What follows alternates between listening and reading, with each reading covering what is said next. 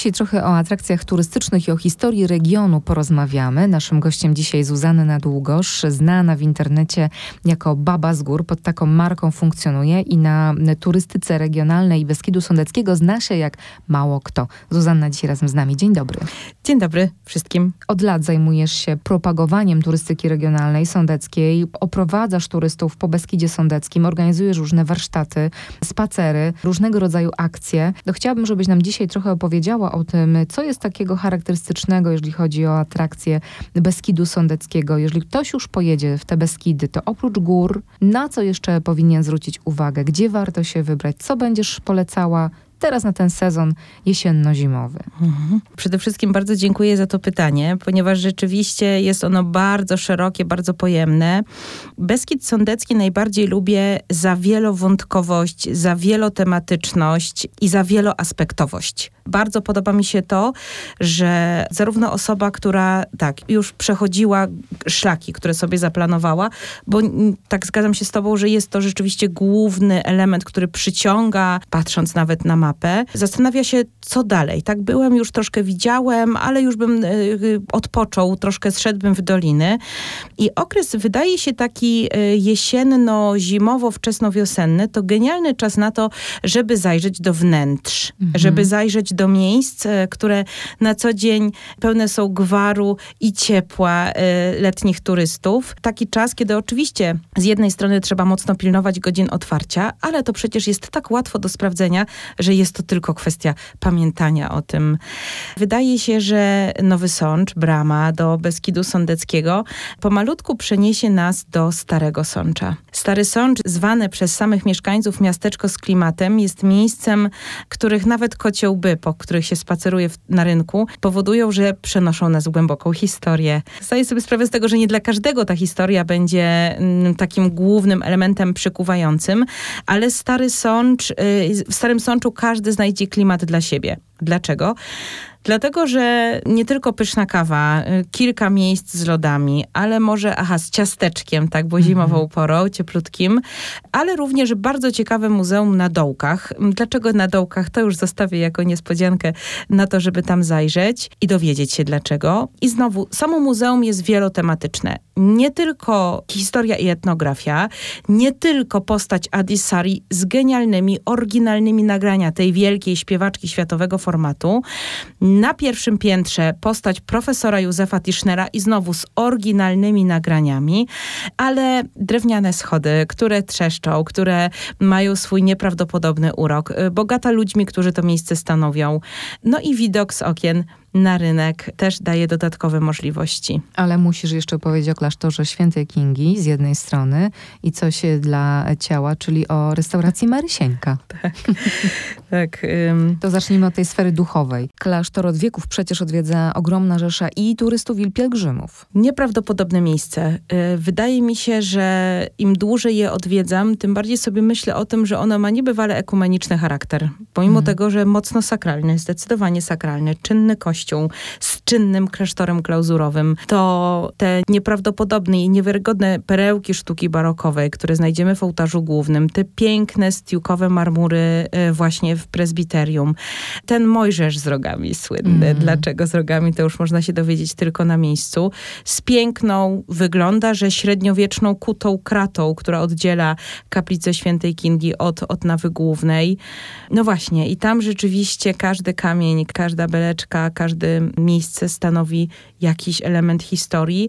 Dla mnie, tak, rzeczywiście poza tą perełką sztuki barokowej, e, przepiękny obraz beatyfikacyjny świętej błogosławionej Kingi robi wrażenie. I jeszcze jedno musimy powiedzieć. Ile razy przyglądam się programowi Starosądeckiego Festiwalu Muzyki Dawnej i rozmawiam z dyrektorami artystycznymi, to oni co roku prawie mówią o jakichś nowych odkryciach w postaci nut czy instrumentów, które Jasne. w przepastnych e, zbiorach klasztoru się znajdują. I ponoć jest tam jeszcze mnóstwo rzeczy nieodkrytych wciąż. No to może w takim razie tymi, którzy zaczynają przygodę z muzyką klasyczną i z historią tej muzyki, przypomnijmy, że Starosądecki Festiwal Muzyki dawnej powstał, czy też inspiracją do jego powstania było właśnie znalezienie konduktusu Omnia Beneficia mm. w okładce, w grzbiecie mm -hmm. książki do, do modlitwy, w modlitewniku. Nie bywało odkrycie z lat 70., w związku z tym ten festiwal właśnie ma taką historię. I taką też nazwę od tego roku, prawda? Bo zmieniła się nazwa na Omnia Beneficia. Tak, także no, konduktus przepiękny, zawsze rozpoczyna festiwal w związku z tym. I cudownym jest to, że kolejni dyrektorzy, zarówno e, Centrum Kultury, jak i festiwalu, pamiętają o tym, że odbiorcy cały czas dołączają nowi, że ta piękna, prawie 50-letnia historia powoduje właśnie, że wchodzi drugie, trzecie pokolenie e, melomanów i bardzo dbają i niesłabnące rzesze na ten festiwal przyjeżdżają. To właśnie na początku wakacji, na mhm. początku wakacji. Natomiast moi drodzy, jak jesteśmy jeszcze w Starym Sączu, to pozwólcie, że dopowiem o Centrum Kultury, o Sokole Starosądeckim, ponieważ dyrektor Knapik bardzo dba o różnorodność. I tak jak już zapowiedział, że zimą będzie Bonaventura, festiwal podróżniczy jest już zapowiedziane, tak właściwie co jakiś czas w czeluściach internetowych pojawiają się zapowiedzi kolejnych spotkań kulturalnych. Jeden festiwal właściwie domyka drugi, więc jeśli ktoś chciałby poznać region też przez pryzmat kultury, czy tych wydarzeń kulturalnych, albo wokół tych wydarzeń zaplanować sobie jeszcze jakieś e, zwiedzanie regionu, no to jest to fantastyczna inspiracja. To dopowiedzmy, że tam od niedawna odbywa się jesienny festiwal teatralny, który przeniósł się z Nowego Sącza. No a wspomniałaś dyrektorze Wojciechu Knapiku, który organizuje przecież też festiwal Pannonika pod Starym Sączem. Tak, tak. No do, do Panoniki jeszcze nie doszliśmy, tak jeszcze myślałam, że zostaniemy w zimie. Tak, dla tych, którzy słuchają pierwszy raz, Panonika to festiwal letni, e, który mhm. nas zabiera na chwilę w Bałkany, nie, nie tak. zmieniając miejsca na mapie. No ale pamiętajmy też o IMO, o tej nowej galerii e, współczesnej, której rzesza fanów poszerza się bardzo szybko. No bardzo szybko zyskuje nową rzeszę fanów. Także nowy ośrodek, wydawało się, że będzie trzeba czekać. Nie, nie, w Starym Sączu to na nic się nie czeka. To się po prostu dzieje. Tak, więc to, to, to byłby Stary Sącz. E, Ale jest jeszcze na rynku słynna kawiarnia Marysieńka, z którą wiąże się pewna legenda. Jak to z tym było? Czy faktycznie Marysieńka czekała tam na swego króla? Według mojej pamięci było to tak dyplomatycznie na opłatkach, tak, na, w pierścieniu Starego Sącza.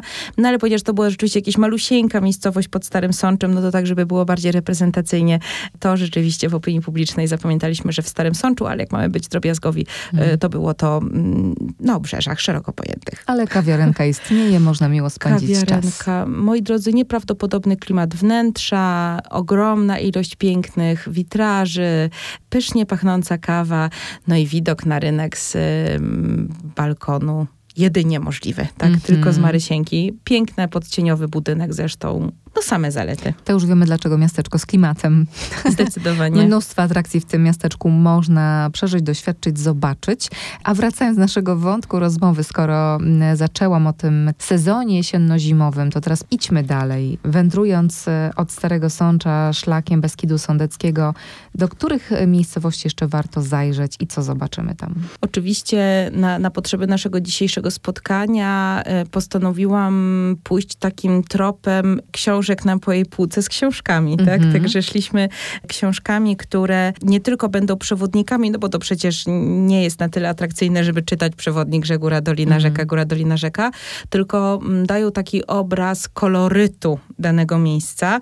I idąc tym tropem kolorytu, zaprowadziłam nas również e, do Wierchomli, gdzie e, między innymi Urszula Janicka-Krzywda, wielki etnograf, pisała na temat wesela i jak ono się skończyło, gdzie rozmawiamy o zbójectwie karpackim, o tym, że udało się pani etnograf doprecyzować i usystematyzować i opisać naprawdę wieloetapowo.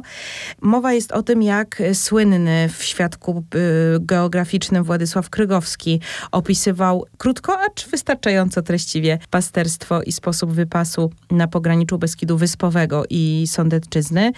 I książka, która właściwie zaczęła moje dyskusje na temat tego, jak barwnie i ciekawie bywało kiedyś. Tak, jak e, opowieści z pobytu w danych miejscowościach może stać się inspiracją do kolejnych spotkań. Była książka pani Eleonory z Cerchów Geislerowej, tamten Kraków, tamta Krynica, jak to szykowali ojca, który był lekarzem na przyjazd do Krynicy. Kiedy organizujesz wycieczki szlakiem Beskidu Sądeckiego, sięgasz do tych książek, wyszukujesz tych ciekawych informacji właśnie z tych starych również publikacji? Te historyczne publikacje y, przydają mi się wielosferowo, dlatego że po pierwsze czasem y, ktoś prosi o przygotowanie jakiejś głębszej kwerenty w danym temacie, więc wtedy mam zaplecze, mam do czego sięgnąć. Po drugie y, pamiętajmy, że są takie miejsca, które mają, mam taki może skrót myślowy, ale tak można o tym powiedzieć, że miejsca, które mają co najmniej stuletnią historię, mają stuletnią historię, a ostatnich 100 lat było niezwykle burzliwych. W związku z tym ci niemi świadkowie tych historii, budynki, zdarzenia, pomniki, pamięć, powoduje, że ludzie zaczynają pytać, turyści, którzy przychodzą, a dlaczego tak było? A dlaczego w jednym miejscu na Deptaku w Krynicy mamy budynki od XIX do drugiej połowy XX wieku i to we wszystkich stylach w jednym miejscu. Czyli mamy historyzm, modernizm, młodą Polskę, art deco i socjalizm. Mhm. I to wszystko tak, że jakbyśmy rzucali przysłowiową piłeczką tenisową, to trafiamy. To jest wszystko, wszystko w zasięgu głosu, wszystko w zasięgu rzutu. Tak, no niemy świadek historii, która w XX wieku była bardzo gwałtowna i te zmiany mhm. nastąpiły bardzo szybko. Miejscowość, którą ty najbardziej lubisz, to jest Muszyna, bo stamtąd pochodzisz, tam mieszkasz, e, ale masz też taki piękny projekt e, Księcia Popradu. Opowiedz o tym więcej. Cudownym jest to, że są tacy ludzie, ja do nich należę, że szykując y, własną działalność, własną firmę, pomysł już, już na siebie, tak, po wielu latach pracowania dla kogoś, doszłam do wniosku, że bardzo dobrze czuję się z rodzinami, z dziećmi. Tak, może by powiedział, że tak dziecko, to, to masz takie właśnie jeszcze mocno wyrośnięte w sobie. Ale dzięki temu y, te rodziny czuję, te rodziny są mi bliskie, y, dzieci, które po prostu są cudownie ekspresyjne, dają tą informację zwrotną natychmiast, tak, są zero-jedynkowe, są cudowne cudowne, dają wiele radości, no ale też są w tym momencie mocno wymagające. Im bardziej je znam, tym bardziej myślę sobie, że jak zachęcić do, do takiej um, muszyny, która historię XX wieku, z przełomu XX i XXI tworzy teraz. To się dzieje na naszych oczach. Myślę, że nasze, nasze dzieci, nasze wnuki będą o tym opowiadać, że, że y, był to zupełnie nowy moment zwrotny. Myślę sobie, jak ich przekonać do, do tej turystyki, która tworzy się. Nie chcę mm. użyć określenia raczkuje, bo to nieprawda, ale ona się tworzy, -hmm. to się mhm. dzieje w tym momencie. Przekonać, że pomimo tego, że jest mniej komercyjna niż ościenne miejscowości, niż y, sposób zwiedzania, jaki jesteśmy przyzwyczajony z dziećmi do, do parków rozrywki, może być interesująca. No więc może być interesująca y, rzeczami, które są regionalne, które są nierozerwalnie związane z miejscem. I rzeka Poprad jest taką rzeką. Cudownym jest to, że akurat da, danej było żyć w tym samym czasie, kiedy powstał musical o Muszynie. Mhm. Kiedy pani dyrektor Centrum Kultury, pani Bajorek, napisała musical, gdzie właśnie ten książę Poprat się po, po, pojawia. Ona go zwizualizowała, ona, ona ma postać. Mój książę Poprat jest niezwizualizowany. To jest, to jest postać, która jednoczy, która łączy, która jest mocno związana z przyrodą i dzięki niemu w tych ramkach księcia Popradu po tym długim wstępie, zabieram wszystkich na grę po muszynie po prostu, która y, zabiera nas, nas dorosłych w świat troszkę opowieści, o czym szumi poprat, jakie tam plotki się pojawiają sympatyczne. No a młodzi w tym czasie właśnie wypełniają mapę naklejkami i każdy jest zajęty i każdy jest zadowolony. I taki najtrudniejszy w świadku y, turystycznym y, zestawienie, czyli wielopokoleniowość, y, udowodniłam, że jesteśmy w stanie działać w jednym czasie. Oprócz rzeki, bardzo ciekawym miejscem, budynkiem jest dwór starostów w Muszynie. To, ma, mm, to jest miejsce, które ma bardzo ciekawą historię. Możesz króciutko o tym opowiedzieć? Mhm. Tak, z, zwykle do dworu starostów dochodzę po rynku. Pozwól, że jednak cofniemy się troszkę w opowiadaniu na rynek. Dlaczego na rynek? Dlatego, że na rynku znajduje się urząd miasta, a na urzędzie miasta znajduje się herb. No i ten herb ma ciekawy kolor, ponieważ on jest, no właśnie, bardzo lubię dzieci, które określają jako fioletowy, różowy, niebieski, nie, fioletowy, różowy, ma magenta się pojawiło kiedyś.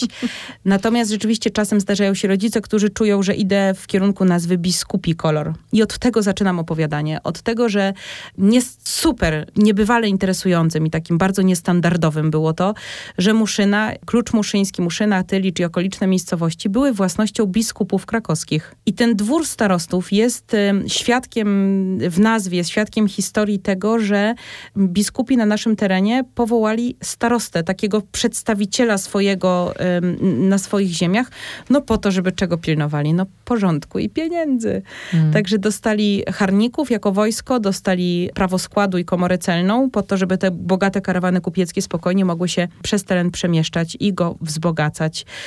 Początkowo rezydowali na zamku, a po, po kolejnych y, wojnach i bitwach, gdy ten zamek został zniszczony, przenieśli się w dolinę. Natomiast dwór ma nazwę taką symboliczną. Symboliczną dwór jest co najwyżej XIX-wieczny. Mhm. Ale rzeczywiście bardzo ciekawy, genialnie zrekonstruowany, no bo kto teraz współcześnie gątem kryje budynek, mhm. a tam właśnie taki niemy świadek historii tego, że kiedyś było to bardzo popularne. I jeszcze słowo o tym, że Muszyna w ogóle ostatnio wypiękniała, dużo tam kwiatów różnych się pojawiło, prawda? No to już nie jest takie miasteczko jak jeszcze kilkanaście lat temu. Tak, ponieważ sama to kiedyś gdzieś napisałam, ktoś to bardzo dziękuję opublikował, było takie zdanie, że przez długi czas było mówione, że Muszyna to tam, gdzie wrony zawracają. Natomiast ja bardzo szybciutko dopisuję, że moi drodzy, nie, nie, Muszyna to tam, gdzie wrony dowiadują się, co jest dalej.